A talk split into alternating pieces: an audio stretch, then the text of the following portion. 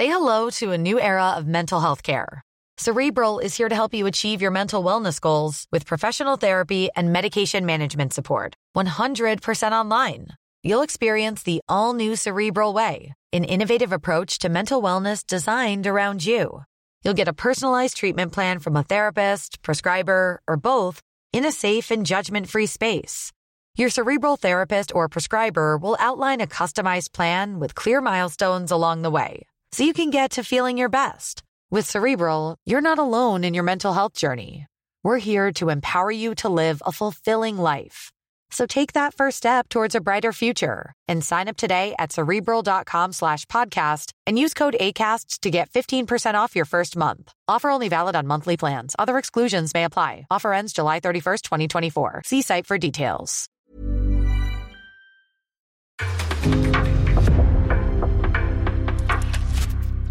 En podcast från Aftonbladet. Hej och välkomna till Kungligt. Jag heter Sara Eriksson. Och jag heter Jenny Alexandersson.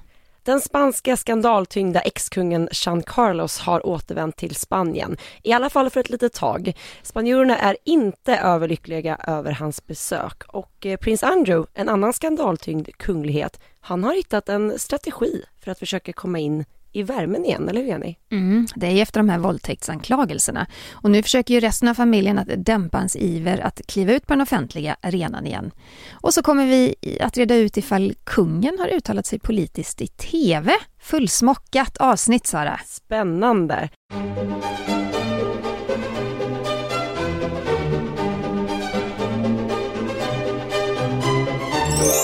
Jag tycker att vi börjar i Spanien, för där har ju som sagt ex-kung av Spanien, Jean Carlos, återvänt och den uppgiften kom till en början från nyhetsbyrån byrån AP. Sedan två år tillbaka har ju Jean Carlos bott i Abu Dhabi.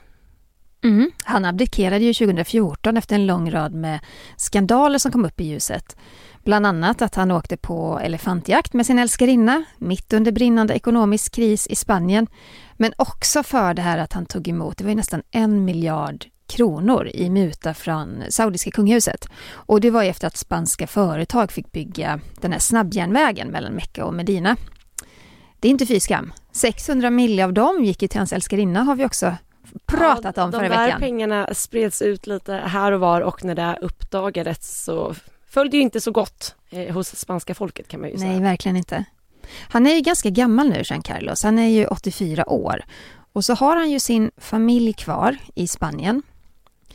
Så det är kanske inte så konstigt att han längtar hem, att han vill hem. Nej, men det har ju varit väldigt eh, många olika omgångar av spekulationer så här, ifall att han ska återvända. Jag vet att vi pratade, det var nog ett år sedan nu, om att man såg att något gammalt hus som tillhör kungafamiljen började rustas upp. Man I Portugal? Då, ja, ja, man trodde då att är det dit han ska återvända? Ja. Eh, det har varit mycket så spekulationer kring när det kommer hända och han är också så här inför jul och sådär uttryckt att han längtar tillbaka till Spanien. Mm.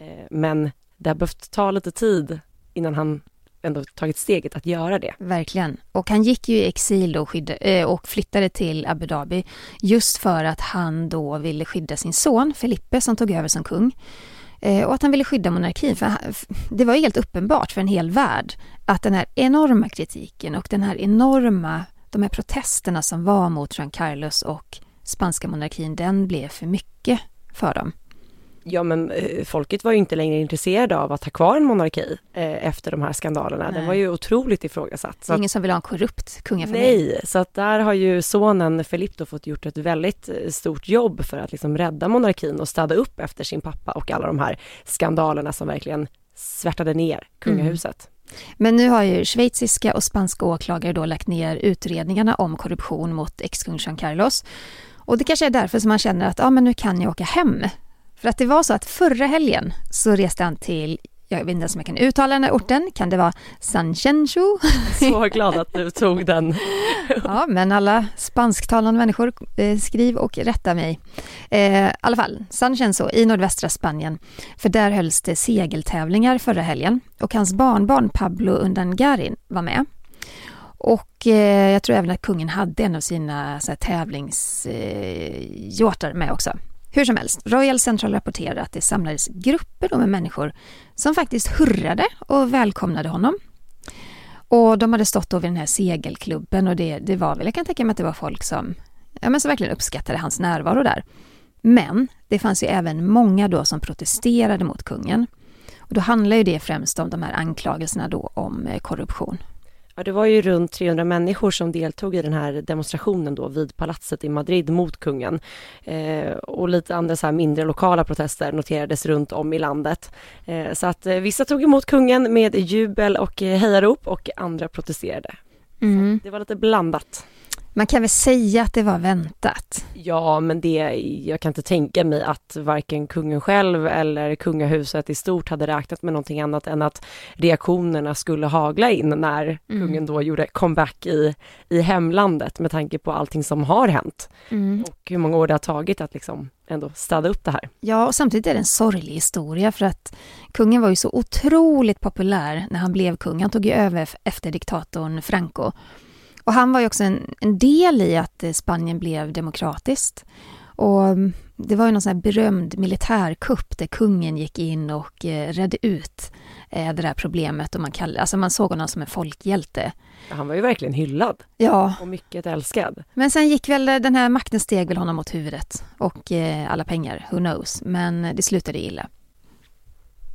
Ja, prins Andrew, han är också en man fylld av skandaler, det, omgärdad av skandaler. Det kan man väl ändå säga. Det har varit det ena och det andra sedan 2019 när eh, hans vänskap med, vänskap med Jeffrey Epstein eh, uppdagades. Sen dess har det, ja, han har inte setts i det kungliga ljuset sedan dess. Nej, nej men precis. Han, eh, han blev anklagad för våldtäkt av Virginia Roberts Jeffrey och och eh, efter den här rättsprocessen så blev ju prinsen utputtad i kylan av drottningen. Han får inte använda eh, den här titeln då, hans kungliga höghet. Han blev av med alla sina militära hederstitlar och kungliga uppdrag. Men den senaste tiden så har vi sett honom göra då trevande försök att kliva in i värmen igen. Det Bland... blev väldigt tydligt där vid eh, minnesceremonin för prins ja. Philip när han då, då såg man ju prins Andrew följa med drottningen in i kyrkan ända längst fram och eh, brittiska medier menade ju då att det bara var tänkt att Andrew från början skulle ha sällskapat med drottningen då i bilen från Windsor Castle men att han då tog någon form av eget beslut eller om det var på drottningens initiativ, det vet mm. vi inte, men att han ledde ju henne ända fram i kyrkan till hennes plats. Ja. Och nu har det framkommit då i brittisk press att prins Andrew som bor på mm, Royal Lodge i Windsor, han besöker sin mamma varje dag. De bor ju ganska nära varandra. Och enligt The Mirror så säger en källa då med insyn i den här brittiska familjen, brittiska kungafamiljen, att Andrew han gör allt för att gottgöra den skam han orsakade sin familj genom att vara inblandad i skandalen och den här källan säger även att prins Andrew då vill gottgöra drottningen och att det är därför då som han gör allt han kan för att träffa henne så mycket som möjligt. Eh, men drottningen, hon har ju faktiskt tagit sitt beslut oavsett eh, Andrews trevande försök här. Eh, Andrew är ju inte längre någon arbetande kunglighet och han får därför heller inte stå bredvid henne på balkongen på Buckingham Palace när hon nu firar det här tronjubileumet nästa helg. Eh, och det får ju förresten inte Harry och Meghan heller göra. Nej, det stämmer ju. Bara arbetande kungligheter har man slagit fast. Vilket också är lite konstigt för att det här är ju det är en officiell tillställning men också semi-officiell. Det, det har lika mycket med familjen och, och eh, uppvaktning att göra. Men hur som helst, drottningens beslut. Men det, rapporterade, det här rapporterade Buckingham Palace i början av maj och en talesperson sa då att det här beslutet fattats efter noggrant övervägande och att det då bara är de medlemmar i den kungliga familjen som på drottningens uppdrag utgör officiella arbetsuppgifter som får stå på balkongen. Men det här tycker jag ska bli lite, lite intressant att se, för om man eh, blickar tillbaka hur det har sett ut vid de tidigare firandena vid Troop in the Color så är det ju verkligen som du säger, ni, det är absolut inte bara arbetande kungligheter Nej, som har hela familjen. Plats, utan det är liksom hela familjen och ganska så här avlägsna släktingar också. Eh, balkongen har ju varit verkligen smockfull. som man har tänkt sig hur många får plats på den här balkongen. Så har ja. det sett ut varje år. Eh, när man då har tagit det här beslutet att man då petar bort Harry och Meghan och prins Andrew. Då kanske man måste peta bort fler. Ja, det är lite det jag tänker och i sådana fall det kommer det se helt annorlunda ut i år om man jämför med tidigare år. Så det ska bli intressant, för väljer de ändå då att ta in de här, alltså all, hela tjocka släkten så att Periferin säga. liksom. Ja, ja. Eh, då kommer det bli ett väldigt stä, alltså ställningstagande ifrån drottningen och Buckingham Palace sida. Eh, och jag ser redan nu eh, rubriker gällande detta om mm. så blir. Så det ska bli väldigt spännande att se hur man fattar beslutet i övrigt där. Mm. Ja, i nästa vecka får vi se, för det är då det här hejdundrande firandet eh, går av stapeln. Tänk vad länge man har pratat om det här firandet ja. och liksom Nu är vi här. Nu är vi här, en vecka kvar. Mm. Eh, schemat ser ut så här, håll i er. På torsdag den 2 juni nästa vecka då kan alla njuta av Trooping the Color. Det är en av världens största militärparader. Och vanligtvis då vid den här officiella födelsedagsparaden så anländer hela kungafamiljen till Buckingham Palace. Man står på balkongen och vinkar. Och fram till 1987 så var ju drottningen faktiskt själv en del av paraden. Hon, man kunde se henne till häst till exempel. Men, det var pampigt. Det var pampigt. Ja. Men nu så, nu så eskorteras hon ju med familjen då till slottet i häst och vagn. Men det är ändå, det är ändå fascinerande tycker jag. Så här, en av världens största militärparader. 1400 soldater, 200 hästar, 400 musiker. Inte dåligt. Det är, det är pampigt och det skjuts ju salut och en eh, flyguppvisning hålls ju i samband med detta. Eh, och det är just då man ser de här klassiska bilderna eh, från Buckingham Palace balkong där då kungafamiljen vinkar och Londons gator är ju fyllda till bredden av människor som vill få en glimt av detta. Sen har vi fredag, 3 juni. Lite av en mellandag skulle jag vilja säga när man kollar programmet. Mm. Det hålls en festgudstjänst det som är härligt för alla britter är väl att de faktiskt får en extra ledig dag, en bank holiday. Det är bra, för att alla ska kunna maxa det här firandet så måste de vara lediga på fredagen. Ja, men kanske vilodagen för det som komma skall. Ja, för på lördagen den 4 juni så är det ju Party at the Palace, direktsänd konsert med då världsartister och det sägs faktiskt att det här blir världens dyraste kungliga fest och är det inte just när någon firar 70 år på tronen som man ska slå på den stora trumman? Jo, verkligen. På scenen kommer vi se artister som Elton John, Queen, Rod Stewart, Alicia Keys och eh, Micke Paris. Jag är ju så besviken här Jenny. Du vet Varför? hur mycket jag har ja. pratat om att jag ändå hade sett framför mig hur barndomsidolerna Spice Girls skulle återförenas och fira drottningen. Men det verkar som att de inte kommer att göra det. Nej, inte Nej. vid det här tillfället i alla fall. Nej. På söndag 5 juni då blir det stor stadsfest och jubileumslunch. Ja, det här låter ju pampigt och man ska då slå rekord i, vad ska man säga, längsta eller största gatufesten. Eh, det blir en gigantisk parad med teatersällskap, eh, marionettdockor, militärer och kungligheter som då ska spela drottningens 70 år på tronen. Mm. Kan vi räkna med en riktig folkfest då? Det känns så. Ja, men jag tror, jag tror liksom att lördagen och söndagen, där kommer ju folk och man ur huset och verkligen fira. Ja, men det är, alltså, London är ju också helt ljuvligt i början på juni. Mm. Och sen också vi, vi Om det vet, inte ösregnar. Om det inte ösregnar, det vet man aldrig. Men vi vet ju också att britterna är väldigt duktiga på att uppvakta sina kungligheter och mm. jag menar nu ska 70 år på tronen firas. Nu är det väl liksom all in som gäller där och eh, det kommer dukas upp Ja, men på tal om att dukas upp, Sara. Ja, på tal om att duka upp, verkligen. Det här är lite roligt tycker jag. Eh, vi har ju tidigare berättat om den här tårttävlingen som anordnades då inför drottningens firande. Eh, över 5000 recept skickades in eh, i hopp då om att just deras bakverk, eller deras tårta, skulle koras till den här officiella desserten eh, i samband med jubileumet. Och nu har den här vinnaren presenterats. Vem är det då? Nej men det var tidigare i veckan som då fem utvalda av alla de här 5000 eh, var med i en lite mindre live-baktävling framför ett team av domare som då bland annat bestod av Mary Berry. Oh, Mary Berry. Berry. Eh, vi har ju sett henne flera gånger tillsammans med brittiska kungafamiljen när de har julbakat och så vidare, så hon står ju dem eh, nära. Eh, vinnaren blev eh, en kvinna, eh, Gemma Melvin, som bakat en, eh, man kan säga att en citrontårta eh, i lite olika lager. Eh, och det här blir då drottningens officiella jubileumsbakelse. Kan vi inte götta sig vad de har kallat den? Ja. Le lemon Swiss roll and amaretti Triffle beat. Låter ju pampigt Eller bara, bara där. ja, oh vad gott. Och det är en, som sagt en väldigt fin tårta i olika lager med någon form av krispig topping. Och om ni vill se hur den här officiella tårtan ser ut så kan ni kolla på prins Charles och Camillas Instagramkonto, eh, Clarence House, där de då har publicerat en bild av vinnaren. Och tanken är ju då att det här, precis som det finns ju många så här eh, tidigare. Det finns någon speciell kycklingrätt döpt efter drottningen och det finns någon annan bakelse döpt efter drottning Victoria. Tanken är nu att den här ska finnas kvar för alltid och mm. vara just drottning Elizabeths jubileumsbakelse. Ett lyft för henne som skickade in tårtan. Ja, kul för henne. Väldigt roligt. Men det finns ett orosmoln på himlen. Ja. Nu rapporterar allt fler brittiska medier att drottningen kanske inte kommer vara med på Trooping the Colour på torsdag. Trots att man då har gjort om och modifierat paraden lite grann så att den då ska passa drottningens hälsotillstånd och ork. Men om hon inte kommer, då är det första gången på 70 år som drottningen inte är med vid Trooping the Colour i så fall. Men hovet har ju tidigare sagt att allt handlar om drottningens hälsa då med fokus på dagsform. Eh, beroende på då hur hon mår just den dagen så kommer man att ta ett beslut. Hon är ju, alltså hon är ju trots allt 96 år gammal.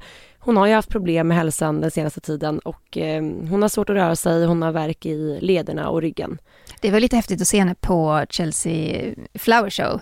Ja. Då åkte hon ju i den här nya eh, golfbilen Deluxe. De kallar ju den för The Queen Mobil. Eh, Ingen vanlig golfbil. Nej, det var kylskåp, lädersäten, eh, surfplatta, rubbet. Allt. Men hon såg ut att trivas, hon slapp ju gå. Hon blev runtkörd på den där. Det var också bra i och med att den här ehm, den här trädgårdsfesten, det mm. gång, gångavstånden är ju ganska så långa så det var ja. perfekt för drottningen att kunna inta den här nya specialdesignade kungliga golfbilen. Du publicerade ju bilder på den på din Instagram om man vill se hur den ser ut. Vill ni kolla på Insta så gå in på kungligt med Jenny så får ni se The Queen mobil. Yes. Men om det är så att drottningen uteblir så är det istället prins Charles och prinsessan Anne som tar hennes plats. Och trots att prins Andrew har ju haft en lång karriär inom det militära bland annat som helikopterförare under, helikopterpilot under Falklandskriget, så kommer inte han synas särskilt mycket under jubileet, det kan vi ju alla förstå. Han har blivit av med 13 av sina militära utmärkelser, men han har tydligen kvar den här titeln viceamiral. Mm -hmm. men, men det är efter att han anklagades för våldtäkt av Virginia Roberts Jeffrey. Ja, han är ju fortsatt ute i kylan och inte längre en arbetande kunglighet och får därför heller inte använda eh, hans kungliga höghetstitel. Eh, och han får heller då inte stå med resten av kungafamiljen mm. på balkongen. Eh, så att, men fasiken, man hoppas ju att drottning Elizabeth kan vara med vid Trooping the Colour. Att hon verkligen ja, men... återhämta sig. Hon får ju inte missa det här. Men det här är ju historiskt. Det här är ju någonting som hon och alla vi andra i världen kanske inte får vara med om någon mer gång. Inte under vår livstid i alla fall, Nej. kanske inte på flera generationer. Utan det här händer ju här och nu. Alltså, jag bara hoppas att hon kan vila upp sig ordentligt och ladda för de här dagarna så att hon verkligen orkar med. Det är ändå schysst då, tänker jag, att de lagt in fredagen som lite av en mellandag, då det inte är så mycket aktiviteter. Det är inte så mycket den dagen, nej. nej. Eh, och jag tänker att inför prins Philips minnesceremoni rapporterade ju flera medier eh, lite samma tankar där, att man var orolig för att hon eventuellt inte skulle kunna närvara mm. eh, och oroades för hennes hälsa. Eh, men där så dök hon ju upp och vi såg henne ju även för några veckor sedan vid eh, Windsor Horse Show och då mm. såg hon ju ut att vara riktigt på gång. Ja, men samtidigt hade hon dag innan, dagen innan ställt in medverkan då på öppnandet av parlamentet. Mm. Så vi håller tummarna. Vi håller tummarna för att hon kommer att närvara vid Trooping the Color. Ja, som en del av det här Platina-jubileet så visar faktiskt eh, Madame Tussauds, det här vaxdockemuseet, upp 24 olika klänningar som drottningens vaxdocka har burit under 70 år då på tronen. Och sen den första vaxdockan av Elisabeth skapades 1928 så har museet faktiskt arbetat i nära, eh, nära samarbete med Buckingham Palace Just för att den här dockan ska, och de här klänningarna ska bli så lika drottning Elizabeth som möjligt. Ja, och det är faktiskt så att under drottningens eh, alltså tid som drottning så har hon också haft så flera personliga möten med museet, eh, faktiskt hela sju gånger. Eh, och även drottningens egna designers och sömmerskor har samarbetat med Madame Tussauds just för att få fram de här identiska kopiorna och för att dockan verkligen ska efterlikna Elisabeth. Har du varit där Jenny? Nej, det har jag inte. Nej. Det, blir ju, det får jag skriva upp på listan nästa gång jag är i London. Men det, här, det är ju kul, alltså det är ju väldigt likt. Är, är de lika? Det är väldigt roligt att ta foton där inne när ja. man står bredvid eh, alla de här dockorna. Ja. Eh, de är ju lika. Ehm, där har ju liksom hela kungafamiljen är ju uppradade som på en eh, sammetsscen kan man säga. Och så det gick, han inte gå många dagar från det att Harry och Meghan hade sagt upp sig från kungahuset så flyttades de bort Aha. ifrån den här scenen. Och Sara, på tal om Harry och Meghan. Det ja. är ju dags för veckans Harry och Meghan.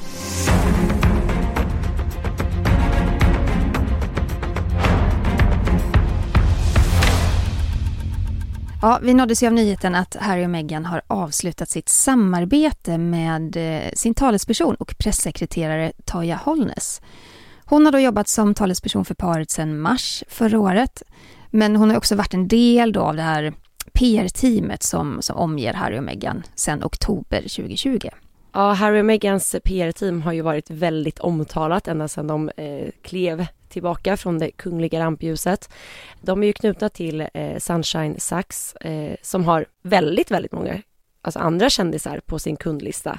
Eh, men de har också kritiserats otroligt mycket för att då låta till exempel Meghan tala ut om kungafamiljen hos Oprah Winfrey och Harry då som har kritiserat sin familj i både poddar och en talkshow. Mm. Eh, och det har ju varit väldigt många olika turer kring just hur eh, Sussexarna har hanterat hela det här eh, valet att kliva tillbaka från det kungliga ljuset och där är det ju många som kritiserar just deras PR-team för att inte ha varit tillräckligt lyhörda och professionella mm. i hur man har valt att göra vissa saker. Ja, och ingen har ju kommenterat varför Toya Holness har slutat, men däremot så talar man desto mer i brittisk press just nu om prins Harrys memoarer.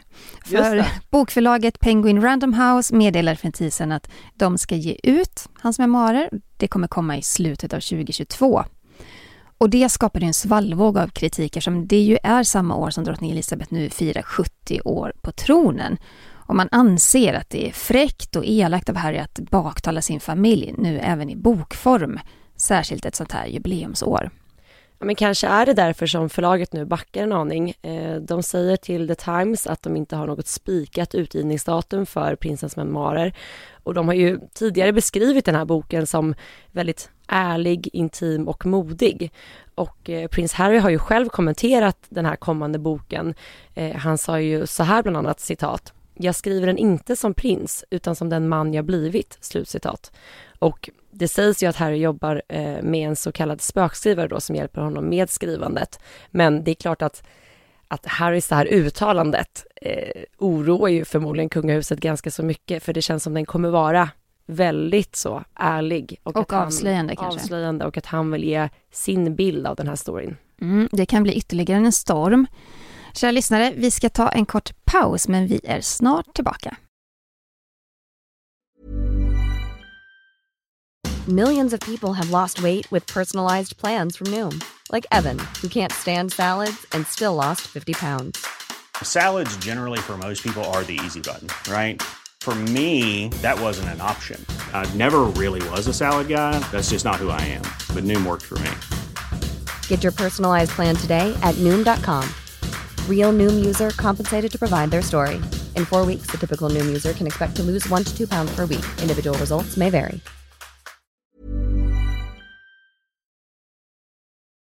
Ja, vi fortsätter att prata om Harry och Meghan, för igår kväll, vi spelade in den här podden onsdag, den 25 maj, men igår kväll då så kom uppgifter om att Meghans pappa, Thomas Markle, har drabbats av en stroke. Och han blev inlagd på sjukhus i Kalifornien där han vårdas. Han bor ju i Mexiko, men väldigt nära gränsen. Ehm, och så fördes han över gränsen då vid, i Tijuana och lades in på sjukhus i USA. Jag undrar verkligen över det, undrar varför man gör så. Mm. Är det för att han också är amerikansk medborgare på något vis? Eller har någon mm, sjukförsäkring där? Det finns säkert någon sån försäkringskoppling till mm. USA. Det känns så. Men hans son då, Thomas Markle Jr, som numera, numera bor nära sin pappa då i Mexiko, finns vid hans sida och det gör även Samantha Markle som flög dit då från sitt hem i Florida. Och enligt amerikanska medier så sågs han då bli inburen i en ambulans med syrgasmask över ansiktet. Eh, man kunde inte prata då med sjukvårdarna utan fick skriva ner sina symptom på, på papper. Så att han var inte... Han var inte liksom talbar så? Nej, nej. Mm. Eh, men Meghan och hennes pappa har ju inte pratat med varandra på över två år. Eh, samtidigt så är ju Thomas Markle inblandad i en rättsprocess med ett medieföretag och sägs ju just nu vara under en väldigt pressad situation. Mm. För tre dagar sedan så publicerades ett nytt avsnitt av Thomas Markles och Carl Larsens Youtube-kanal som heter Remarkable Friendship. Och tidigare så har de haft ett intro med bilder på den brittiska kungafamiljen. Men den har de nu plockat ner. Mm. Och istället så inleder de programmet med att säga Det här är bara våra åsikter och inte fakta. Vi är inte ansvariga för det vi säger. Det får ni faktachecka själva. Lyssna här. Uh, and, and lawfully we have to inform you that these are just opinions, our opinions. And anything you're interested in, you have to research yourself.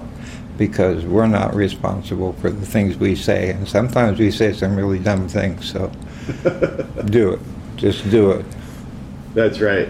Ja men när jag berättade det här för dig Jenny, det var, det var liksom så konstigt så du sa till mig, säger de verkligen det? Så vi fick spela upp klippet tillsammans och bara, ja, de Ja, säger men- det här. För det är väl en jättekonstig sak att säga att vi inte är ansvariga för det vi säger. Vem ska vara ansvarig för det då? De har väl ingen ansvarig utgivare? Det har jag svårt att tro. Det, med tanke på om vi tittar på kvaliteten på de här, de här YouTube-avsnitten och lite vad de pratar om och hur det är uppbyggt så tror jag inte det finns någon ansvarig utgivare utan det är nog de själva som står bakom det här.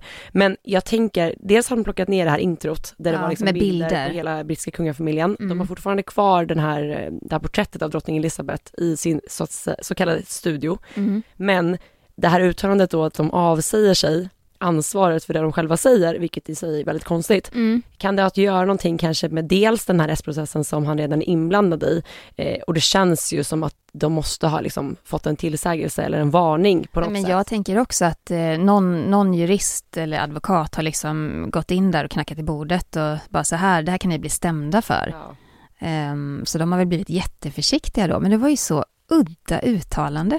Men tänk dig själv så här, alltså, om man skulle valt som helst så bara, det är Men två så- personer, så det är som att du och jag sitter här och pratar och säger så här, Vi vi, vi pratar om vad som helst men vi ansvarar inte för det vi säger. Ja, men okej, vi har en ansvarig utgivare. Ja exakt, tur det. Men, eh, men det, jag, jag bara reagerar på det för att min första tanke var verkligen att här har någon gått in och, Ja. och liksom varnat dem.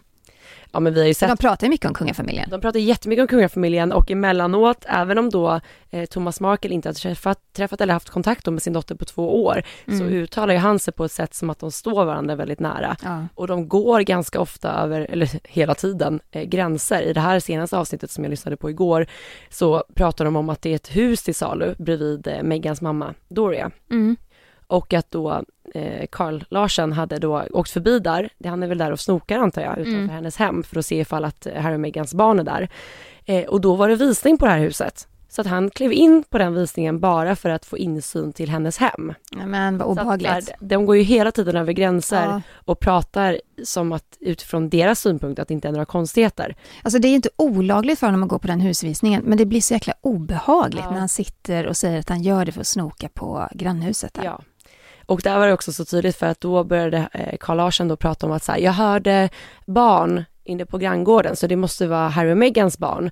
Men där sätter till och med Megans pappa ner foten för han känner väl själv att det är för Det är att för gå över mycket. gränsen. Så att han säger så här, ja men det finns ju många andra barn i det här området. Ja. Så det behöver vad inte vara obehagligt. dem. Så att det känns som att de har, jag vet inte vad, vad, de, vad som har flugit i dem för det känns som de hela tiden bara, Men de pushar gränserna hela tiden. De hamnar i någon gråzon där, eh, där de liksom vill avslöja saker eller säga provocerande saker, men då samtidigt nu är lite försiktiga för att någon troligtvis har varnat dem för konsekvenser.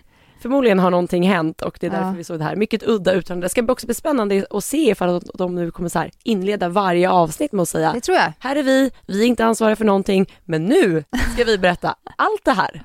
Jag tror att de kommer göra det inför varje avsnitt. Vi håller utkik. Det är Amerika vi pratar om. Ja. Mm. Vi ska prata om prins William. Han fyller faktiskt 40 år den 21 juni. Och i samband med den här födelsedagen så kommer han för första gången någonsin att pryda eh, ett mynt. Ja. Och eh, myntet, alltså bilden på myntet är skapat från ett foto som togs av prinsen i samband med, med ett besök i Jordanien 2018. Alltså jag har läst massa kommentarer kring det här myntet. Det är många som kommenterar hans hår. Han är ju lite tunnhårig nu för tiden. Menar- Men på myntet så ser det ut som han har en riktig kalufs. Okej, så det är många som har kommenterat det. Ja. Ja. Och det här myntet då ska hylla liksom prinsens, vad säger man då, mognad och charm. Eh, att han liksom blivit en senior medlem av kungafamiljen. En, här, en hängiven make och en kärleksfull far till tre. Och det här var Clary Mac McLennan, chef för minnesmynten vid Royal Mint som har sagt det här. Mm. Eh, det blir spännande. Det Det blir jättespännande. symboliserar också någonting, liksom att den här nya generationen kungligheter blir äldre, de liksom tar mer Mm. plats. Jag har aldrig, för, jag har aldrig förstått. eh, Jag är inte mycket jag, jag är ingen sån som köper samlargrejer. Jag har blivit lite inspirerad av dig nu. Men Sara, skulle du kunna tänka dig liksom att köpa ett minnesmynt? Jag har redan. Såklart har. Nej men, ja. nej men alltså jag är ingen så här myntsamlare i stort. Det är Nej. inte så att jag är så intresserad av pengar och sedlar så för att spara på. Nej. Men jag bodde ju i London en period och då gjorde jag, alltså jag var ju på alla ställen du kan tänka dig och inte bara en gång utan flera gånger om. Ja. Och då har de ju ofta så här, om du, om du är på Towern, ja men då finns det speciellt så här Towern-mynt för det Aha. året. Och om du går någon annanstans, alltså de tar ju fram mycket sådana här grejer. Ja. Så, och de har ju alltid någonting att hänga upp. Vad gör du med på. myntet? Nej men de är hemma, alltså de ska bara Var finnas där. ligger det? Ja du. Ligger det nerpackat någonstans eller det är till allmän beskådan? Nej, jag har inte ramat in dem på väggen. Men eh, någon gång om jag bor större kanske det blir, nej men jag vet Ja. inte, de ligger i någon liten skål, alltså i Ja. en byrålåda så det är inte så att man ser dem. Nej. Men eh, jag bara tycker att det är kul. Ja. Så att, absolut, jag skulle kunna tänka mig det här myntet. Och bara ha det. ja, det första på den blivande kungen av Storbritannien. Alltså jag kan tänka mig, jag kan absolut tänka mig någon kopp eller någonting. Ja men där vet du att du har mig. Det är ju lite härligt Ja. kanske. Ta morgonkoppen med te med drottningens ansikte på för att hon firar 70 år på tronen. Det kan jag absolut tänka mig. Eh, eller någon så här bröllopsgrej. Men, men alltså det tar emot. Jag är inte så här, jag är inte jättesugen på det. Alltså jag hör ju vad du säger, jag förstår det precis. Alltså en kopp eller en tallrik eller en sked, det fyller i alla fall en funktion. Men de här mynten, som sagt, de ligger i en byrålåda. Jag har inte sett dem sedan jag packade ner dem. Det är inte Ja. så att jag sitter och skådar dessa i detalj. Men Nej. jag gillar ändå känslan av att de finns. Ja, det är känslan. Ja. Ja, jag, vet, jag kommer ju kunna öppna ett museum en dag. Det Jag tror du. också det. Ja. Eh, jag vet ju att du har fina tavlor hemma på väggarna som är med kungligt motiv. ja, Mm. jag är ju väldigt mycket för det här. eh, Jag eh, hänger mycket på Tradera för att kika på gamla kungliga tavlor och sånt där. Eh, Så att jag har några tavlor uppsatta, men jag har också väldigt många tavlor som inte får plats Nej, på kungligheterna hemma. det, jag har inget sånt, men, men däremot så var jag inbjuden med min sambo till, när, när, jag tror det var när kungen fyllde 70 så hade de en fin utställning på Rikssalen på Kungliga slottet. Eh, och, då, och då var det tjusiga människor som minglade runt med lite champagne och, och skålade och så var kungafamiljen där och Victoria Daniel var där och eh, var Madeleine där kanske också? Jag, jag minns inte. Men hur som helst, eh, då sålde de fotografier, alltså jättefina foton, förstorade såklart, inramade. Och eh, då fick man köpa de här fotona eh, i original tror jag det var, för summan 90 1973, alltså när kungen blev kung. Ja men var det när han hade suttit 40 år på tronen? Ja, men det kan det ju vara. Ja, men det var det. För det var just där 1973, 1973 kronor fick man då betala. Och då vet jag att då fanns det en, ett foto på Bob Dylan och Mm. kungen. Eh, och den köpte vi därför att min sambo då, han jobbar inom musikbranschen och jag jobbar då med kunglig bevakning. Så det var ju den perfekta bilden att köpa. Har ni den hänger uppe på väggen Ja, men den hänger i, i biblioteket. i biblioteket? Ja. Men det var ju en väldigt bra tavla, passar ju Ja. perfekt hemma hos er. Ja. Men det är väl det enda kungliga attribut jag har. Liksom. Ja, nej jag är ju verkligen ett fan, eh, men jag skulle säga kanske när det kommer till porslinsfronten är jag ju mer intresserad av de här gamla grejerna. Eh, Rörstrands, den här svenska Ja. slottsserien har jag ju delar av. Eh, bröllopsserien såklart, när Victoria och Daniel gifte sig. Det är väldigt synd för den, det är, liksom, det är väldigt dyrt när man investerar i sånt här porslin. Och Rörstrand slutade ju tillverka dem, så jag hann inte samla på mig allt. Liksom. Åh, men finns det på någon andrahandsmarknad eller? Jag som sagt hänger ju på Tradera, eh, har lyckats fått in några så här koppar och några eh, Mm. djupa tallrikar. Men om någon som lyssnar har de här, den här serien och vill bli av med den så kontakta mig för jag är spekulant alltid. Bra, Mm. bra. Men då, då måste vi också gå in på nationaldagen. Eller hur? Inga mynt, men Inga det mynt. blir ett annat firande. Med andra symboler. Ja, För äntligen blir det som vanligt. Efter pandemin, de här två åren, kämpiga två år, så är det dags för en härlig nationaldag då alla får samlas och alla får vara tillsammans igen ja. Eh, kungaparet börjar ju dagen i Olofström i Blekinge och kronprinsessparet är det i år som öppnar dörrarna då till Öppet slott som man kallar det. Och prins Carl Philip är med vid eh, högvaktsavlösningen. Och självklart blir det ju som de andra åren när det har firats så normalt en kortege genom Stockholm till Skansen där då kungafamiljen samlas för det här traditionella firandet. Och sen avslutas ju dagen med en nationaldagsmottagning på Kungliga slottet och ett tapp då på Logården. Mm, äntligen, Äntligen! äntligen får man samlas igen. Det är härligt. Ja. Man uppskattar alla de här firanden nu. Ja, är men det roligt. gör man faktiskt. Och jag, jag tänker också det med, med drottningens 70-årsjubileum nu i London. Det kommer bli en jäkla folkfest. Ja. Det kommer bli, ja men jag tror också att folk längtar lite efter att, eh, ja, dels att fira och dels att göra det tillsammans Mm. med andra. Jag tycker coronapandemin känns så avlägsen nu, det är inte länge sedan. Nej, men jag tror att man nästan lite har så här förträngt det, alltså Ja. som det var. Jag tror det är något sätt så att bara komma över det för att alla liksom har mått så dåligt under den här perioden. Det har verkligen varit en, en katastrof på så många sätt. Folk har Mm. förlorat sina nära och kära. Och då liksom försöker man, jag tror alla bara försöker gå vidare nu och försöka leva sina liv som vanligt igen. Och nu får man då samlas. Nu får man det är härligt. Det är härligt. Något annat som är härligt är också att vi får in massa lyssnarfrågor. Eh, om ni vill ställa frågor till oss så mejla till kungligt aftonbladet.se. Ja, vi har fått en lyssnarfråga ifrån Elin Hansson eh, som skriver så här. Vi lever i tuffa tider just nu med ett krig som satt hela Europa i skräck och tvingat hundratusentals människor på flykt. I samband med att Sverige skickade in sin NATO-ansökan så fick kungen frågan från TV4 om kungen tyckte att det var ett väntat beslut och då svarade kungen så här. Ja, det, har ju pågått under lång tid, de här diskussionerna och, och det har lett fram till ett, ett övervägande efter ja, den situation som tyvärr har kommit i, i vår nära kringvärld så att det, det är ett besvärligt läge. Och då är Elins fråga så här, har kungen lov att uttala sig i den här frågan? Han har ju ingen politisk makt och eh, får inte uttala sig politiskt. Har han gjort det genom att säga detta? Är hennes fråga. Nu har jag ju läst eh, och lyssnat väldigt, väldigt noga. Jag, jag upprepar då vad han sa. Han sa så här, det har pågått under lång tid den här diskussionen och det har lett fram till ett övervägande. Den situationen som tyvärr har uppkommit i vår nära kringvärld, så det är ett besvärligt läge. Och jag skulle vilja säga så här, efter Torekovskompromissen, när de fyra största riksdagspartierna var överens om att eh, ta bort kungens politiska makt, så var ju det här med att uttala sig politiskt en, en del av det. Han får alltså inte göra det. Sen finns det alltid gråzoner. Men sitter man och analyserar den här meningen och de här orden, jag kan inte se att han gör något slags övervägande åt ena eller andra hållet. Han konstaterar att det är något som har pågått under lång tid.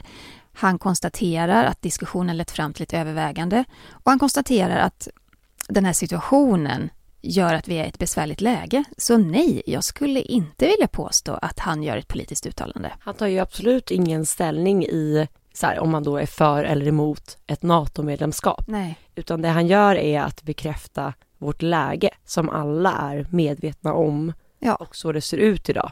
Det är inte så att han delar med sig av några personliga åsikter i beslutet som fattas. Så jag skulle säga att nej, det här är inget politiskt uttalande och ja, han får säga som han sa. För det är ju, jag förstår att folk reagerar, jag förstår liksom att, eh, att Elin också ställer den här frågan för att det är väldigt känsligt just det här, mm, det som har med kungligheter och politik att göra och kanske också för att vissa ämnen som kungligheterna engagerar sig i nu, som miljön och sådär, eh, kanske också kändes mycket mer politiska för några år sedan men som inte är det nu. Alltså, och den här gråzonen den kan ju liksom förflytta sig åt ena eller andra hållet med, med samhällsläget och det politiska läget. Men, men eh, kungen är extremt medveten. Han har gjort en del övertramp innan. Det var ju när han kommenterade säljakten i Norge till exempel. Då blev det ett jäkla ramaskri. Och man menar att det, det handlade, det, det var politiskt. Men, eh, och vissa saker ska han då inte lägga sig i, men nej, jag påstår att det här uttalandet inte är politiskt. Och det var ju samma sak egentligen då under coronapandemin, eh, de gångerna som eh, kungen och drottningen eh, talade om Mm. eller kommenterade pandemin. Eh, var det i samband med året med kungafamiljen som kungen sa att han tyckte att Sverige hade misslyckats. Eh, och det var också så här lite, eh, är det här politiskt? Kan man vända det till politiskt eller är det bara, jag menar där syftar han på, eller till, att personer har dött. Alltså Mm. varenda liv som har, som har försvunnit i den här pandemin är ju ett misslyckande såklart. Ja, Men det blev samma frågeställning där menar ja, hade han sagt att det var ett misslyckande av politikerna, ja men det ska han definitivt inte ha en åsikt om. Nej. Så ja, Men de här frågorna kommer lite titt som tätt och som mm, du säger, och det, klart- det är bra att ställa dem. det är viktigt jättebra att ställa dem. Bra fråga ifrån Elin. Mm. Sen har vi fått en fråga ifrån Saga. Hon skriver så här. Hej, kommer kronprinsessan att fira sin födelsedag som vanligt i år med folksamling på Solidens slott? Ja, i år är, äntligen firandet tillbaka och eh, det startar traditionsenligt då under eftermiddagen med att kungaparet och kronprinsessparet eh, familjen, hela familjen, kommer ut då från Solidens slott. Och nytt för i år faktiskt är att kronprinsessan och hennes familj kommer att åka kortege igenom Borgholm eh, och att den kommer starta då framför Solidens slott. Mm. Så man kommer liksom köra en längre kortege och det kommer liksom kunna bli lite av en folkfest kring kortegen mer än tidigare. Roligt. Jag tror man gör det därför att den här konserten på kvällen numera är då i den gamla slottsruinen, inte på idrottsplatsen och det gör att lika mång, det är inte lika många får plats. Eh, det blir lite mer besvärligt och det blir mindre format. Så det här kanske också är en kompensation för att alla inte kan samlas där längre. Ja, och jag läste också att man kommer att sända konserten eh, på storbildsskärm i Borgholms centrum. Bra. Eh, så att då kommer det säkert bli liksom någon folksamling kring det så att fler kan. Det är ju inte samma sak, men bra. Inte samma sak, men bra. Så att Ja. kul, även det firandet är tillbaka efter två års uppehåll. Ja. Hörni, tack snälla för att ni har lyssnat. Jag kan utlova nästa vecka att vi kommer prata väldigt mycket om drottning Elizabeth, hennes 70-åriga tronjubileum och alla festligheter runt omkring. Räkna med mycket kunglig rapportering nästa vecka och tills dess får ni ta hand om er. Eh, ha det så bra! Hej då! Hej då!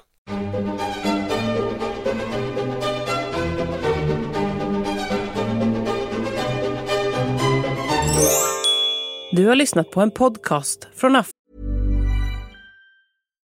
Botox Cosmetic, out of botulinum toxin A, FDA approved for over 20 years. So, talk to your specialist to see if Botox Cosmetic is right for you. For full prescribing information, including boxed warning, visit BotoxCosmetic.com or call 877-351-0300. Remember to ask for Botox Cosmetic by name. To see for yourself and learn more, visit BotoxCosmetic.com. That's BotoxCosmetic.com. Aftonbladet. Ansvarig utgivare är Lena K Samuelsson.